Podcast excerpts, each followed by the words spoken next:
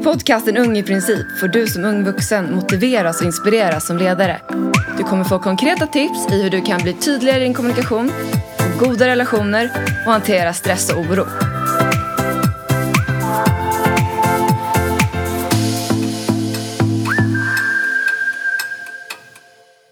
Jag var superstressad inför en poddinspelning jag och Beatrice skulle ha med gäster.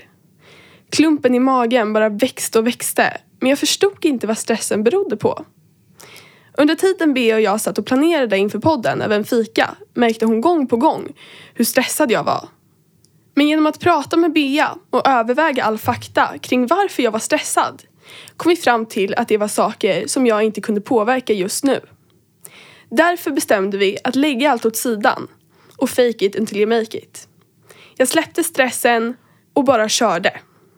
Min uppmaning är att överväga all fakta till varför du är stressad. För fördelen du får är att genom att fatta ett beslut kring varför du är stressad och acceptera stressen kan du enklare bli kompis med den. Hejsan allihopa och välkommen till dagens avsnitt av Ung i princip! Idag ska vi prata om att överväga all fakta och ta ett beslut. Det här är någonting som vi alla behöver jobba med inom stress och oro skulle jag säga. För att när man är stressad, då har jag i alla fall, och jag vet att du också har det Lovisa, en tendens att liksom det är bara sakta men säkert trappar upp, trappar liksom upp. Man blir mer och mer stressad. Ja. Man, man kan inte göra någonting. Det, blir, det går liksom så långt att allt det här man måste göra, man, man gör ingenting. Och då blir man ännu mer stressad för att Ja. man inte kan göra någonting för att man är så stressad. Ja, du förstår. Ja det där lät väldigt komplicerat men det blir som tunnelseende. Ja, exakt. Att man, eh, eh, vad heter det? mm, Jo, det blir som tunnelseende att du bara ser det faktum att du har så mycket saker att göra. Och inte ljuset på tunneln. Det blir som en tunnelseende fast utan ljuset på tunneln. Exakt. Där var det.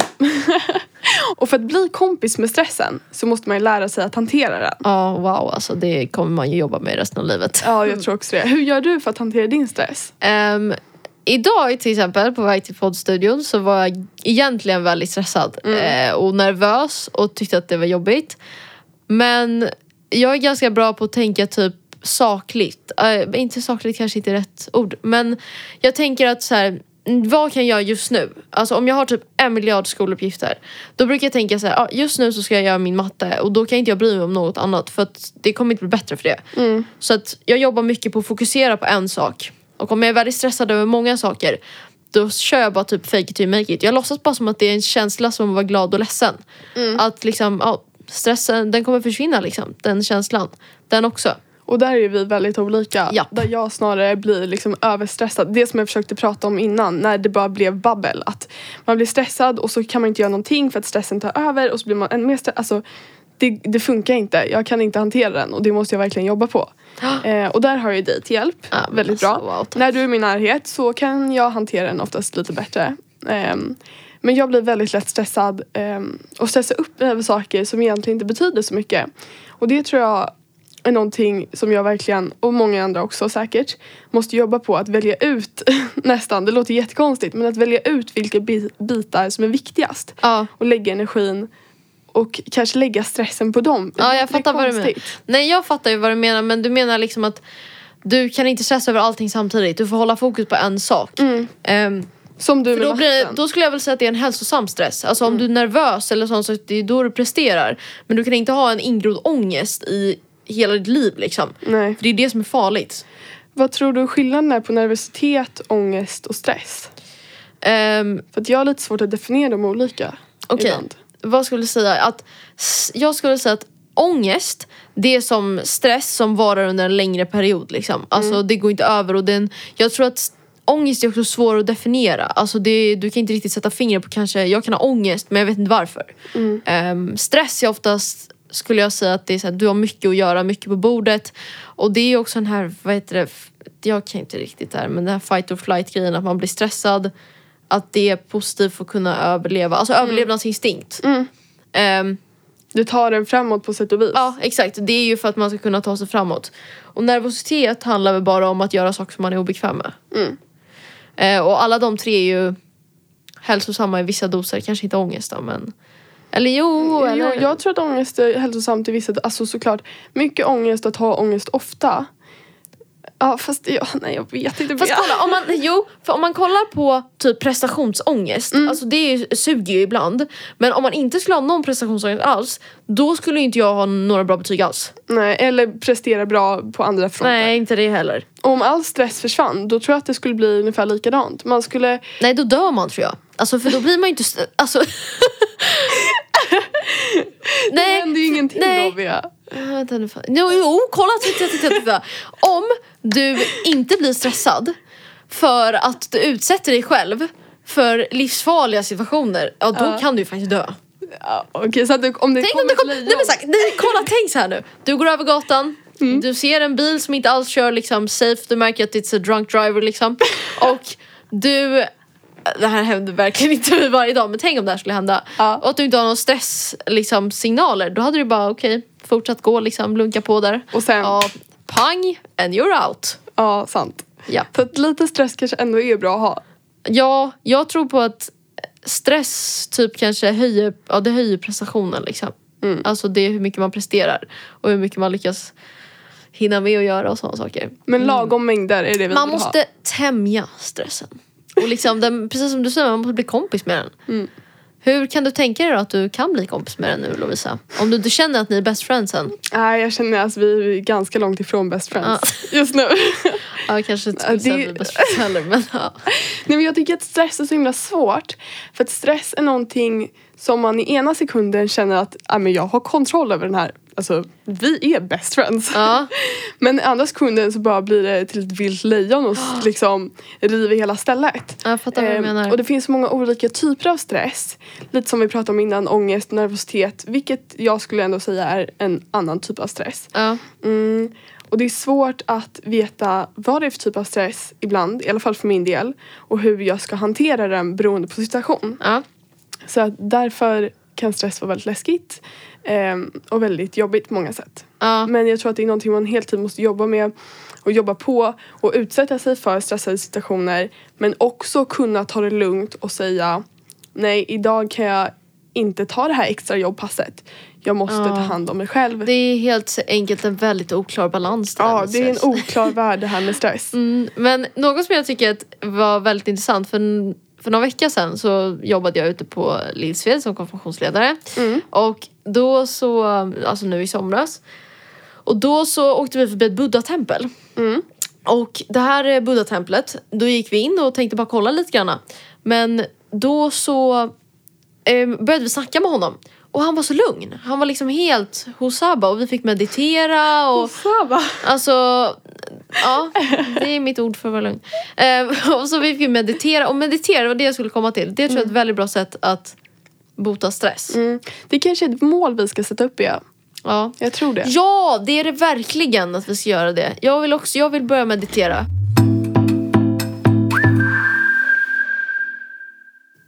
Jag kände att Lillsved var väldigt långt bort men samtidigt brutalt nära. Tre dagar kunde gå väldigt snabbt eller väldigt långsamt. Men just nu kändes det som att jag hade för mycket att göra. Det kändes så långt bort men ändå så väldigt nära. Och få hänga ute på landet och hänga med mina konfirmander. Men just nu så kändes bara allt så brutalt jobbigt för jag hade så mycket saker som jag skulle göra innan jag åkte iväg till Lillsved. Jag skulle träffa mina kompisar, jag skulle hjälpa mamma och pappa och mormor. Åh herregud, jag kunde inte ens hålla allting i huvudet längre. Då tog jag ett andetag och tänkte att nu måste jag göra någonting för jag kan inte göra allting. Jag vägde ihop alla fakta, alla saker som jag skulle få gjort och gjorde en ny plan. Jag fattade ett beslut att göra en plan som var lite mer rimlig än den tidigare. Utifrån det så fick jag faktiskt klart allting. Nu hann jag ändå dit utan att må dåligt och känna mig helt sönderstressad när jag kom ut på mitt jobb ute på Lillsved. Min uppmaning till er är därför att lägga upp en plan, väga in alla faktan och göra, fatta ett beslut utefter det. Det kan vara en ny plan som är mycket mer rimlig. Fördelen ni kommer få av det, det är att ni kommer bli mindre stressade. Och ni kommer helt säkert få mer saker gjort när ni är mindre stressade än när ni är helt sönderstressade.